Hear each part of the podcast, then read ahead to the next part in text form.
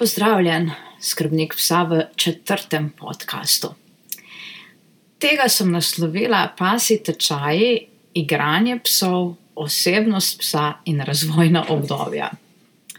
Olala, tokratna tematika je pa precej obširna.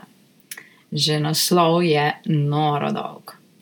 To pa ne pomeni, da bo tudi podcast noro dolg, ker ne bo. Bova prišla kar k bistvu. Uh, najprej, da si prideva na jasno, čemu so pasi skupinski tečaji sploh namenjeni.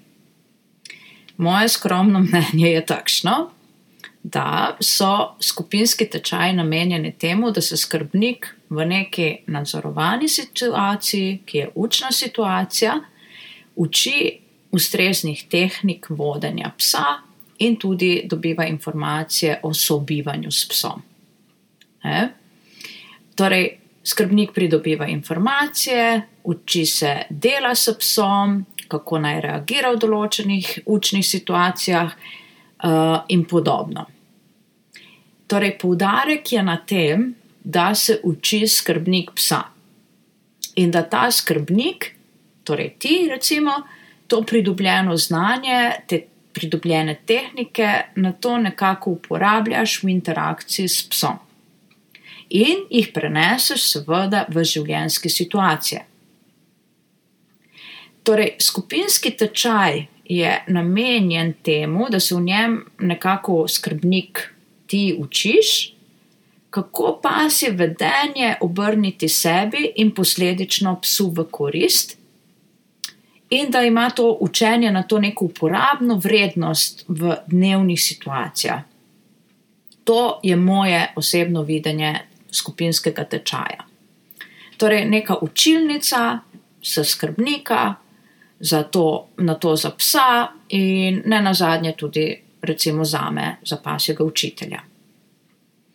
In potem, recimo, se doskrat sliši, pa pojavi zamisel, da naj bi bil skupinski tečaj tudi igralnica. Ne, neka pasja igralnica, kjer naj bi se kuški med sabo igrali. Ne. Sedaj prihajam torej na drugo točko podcasta, torej igranje psov in skupinski tečaj. Najprej želim poudariti, da nima nišče pravice s prstom kazati na nekoga drugega, na nekega drugega pasjega učitelja, na nekega inštruktorja, kakorkoli ga že imenovali. Nišče, vključno z mano nima pravice nikogar kritizirati, pametovati. V smislu, ta dovoli igro in je zato oh in sploh, in ta je ne dovoli in je zato grozen, zaplankan, nesposoben, ali pa obratno. Nihče nima te pravice. Ker vsak pasji učitelj ravna v svojem najvišjem zavedanju v tistega trenutka. In ja, morda to zavedanje ne sovpada s tvojim zavedanjem. Ampak soditi, obsojati, to pa se ne gremo. Ta moj podcast temu ni namenjen. To naj bi že zdavnaj prerasli. Vsakdo izmed nas piše lastne zgodbe in pusti ostale ljudi, pa si učitelje, igrati glavno vlogo v njihovem filmu življenja. Gotovo vsak pasji učitelj želi svojemu tečajniku in psu vse najbolje. Mu podaja tiste informacije, ki so za tega pasjega učitelja v tistem trenutku relevantne, ki jim zaupa. In nihče nima namena drugemu škodovati, zato je čas, da se nehamo obsojati. Sedaj pa grem naprej. Jaz ti bom povedala pa tisto, kaj se zgodi, če se igra med kuški v tečaju dovoli. Ti pa se na to odloči zase, za dobrobit svojega psa. Kaj ti, moje mnenje o tem, ali igro med psi dovoliti ali ne, izhaja pa iz psa. ne izhaja iz mojega prepričanja, izhaja iz psa. Ker če me spremljaš, potem zelo dobro veš, da gre moje mnenje v smer, da medpasja interakcija, torej tudi igra med psi, absolutno ja. Ampak hkrati se zavedam, da je želja po interakciji odločitev vsakega posameznega psa, ne mene, skrbnika ali pa se ga učitelja. Ne, druženje s psi je dejansko odločitev psa. Ker na svetu so namreč psi, ki jim je družba drugega psa nič kaj prijetna ki jim ne ustreza, ki jim je moteča, ki jim je odveč, ker je ne potrebujejo in je ne želijo. In potem v tečaju dati psa v to situacijo je neodgovorno. Ne bomo to delali, če pes pokaže, da mu je to neprijetno. Zakaj? Tu ima škarje in platno pes.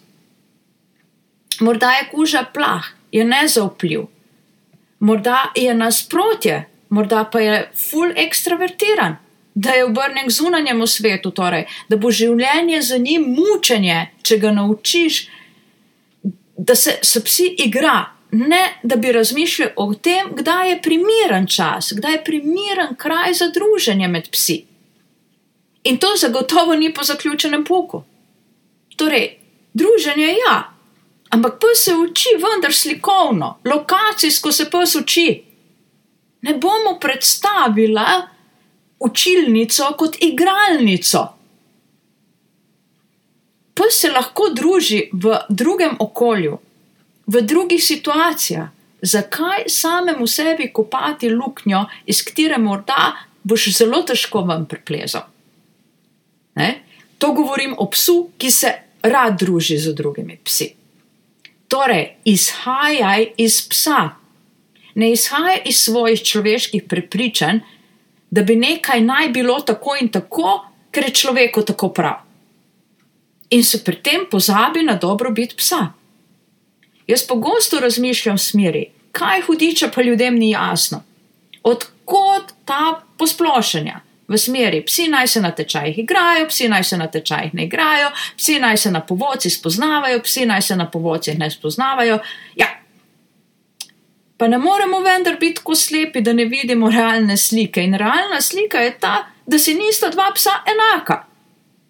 Zato vedno izhaja iz svojega psa. Pusti neka prepričanja. Ne, pusti to, da sem jaz tako rekla, pa da je tisti tak rekel, izhaja iz psa. In še tretja točka. Ja, pozor, pes odrašča, se razvija, pridobiva izkušnje, torej razvojna obdobja, osebnost psa. Če zakuška interakcija z drugimi psi trenutno ni ravno optimalna odločitev, pa to ne pomeni, da ne bo recimo čez tri mesece ali štiri mesece spremljaj razvoj svojega psa, spremljaj njegove reakcije, njegovo počutje. Ne? Ok, in igra med psi ni socializacija. Igra med psi je samo eden izmed elementov. Torej, če tvoj kuža ni pripravljen na takšno vrsto igre, ki vključuje uh, full kontakt, močen stik med psi, potem bo on vseeno socializiran, zato ker je to samo eden izmed elementov. Ne? Za enega psa je bolj torej, optimalno druženje psi, recimo opazovanje psov na neki razdalji. Morda postopno približevanje, ali pa tudi to ne. Niso vsi psi socialni metuljčki. Ogromno psov v življenju sem imela, ker, ker jim družba psov ni bila sploh pomembna, dejansko jim je predstavljala frustracijo. In sedaj bi jaz prišla v tak tečaj in bi nekdo rekel: odpnite vse, zdaj se bojo pa igrali. Ja, tudi to smo počeli pred 25 in 20 leti. Odkot mislite, da recimo rečem, ne, ne bomo, zato ker ni primerno, zato ker so me psi naučili, da ni primerno. Ni primerno, lahko dobimo zelo nasprotujoče reakcije. Lahko, da zaradi takšnega poseganja drugega psa v osebni prostor nekega psa, ki mu je to neprijetno, dobiš reaktivnega psa in ne socializiranega psa. Ne? Torej, izhajajmo hudiča že enkrat iz psa. No, malo sem se razumela, ok, ampak se mi zdi, da je to resnično neko. neko uh, informacija, ki jo je potrebno dati v svet. Da ne moremo nonšalantno nekaj posploševati, samo zato, ker imamo ljudje neka svoja prepričanja, pa videnja, pa ne vem, kaj še vse ne, pa smo vso pamet požrli, nismo je, vključno z mano, nismo je. Zato mislim, da je res čas, da uporabimo lastna zavedanja, lastno intuicijo, notranje občutke, da poslušamo tudi psa. Tako. In toliko od mene za današnji podcast. Vesela bom, če se boš naročil, da ne bom zamudiš kakšne vsebine oziroma mojega prepri, prepričanega uh, glasa tule, da je treba poslušati pač psa. Preveri tudi spletno stran, pa si je šole razumeti psa in se prihodnjič slišiva. Do takrat pa ti želim veliko, veliko lepega.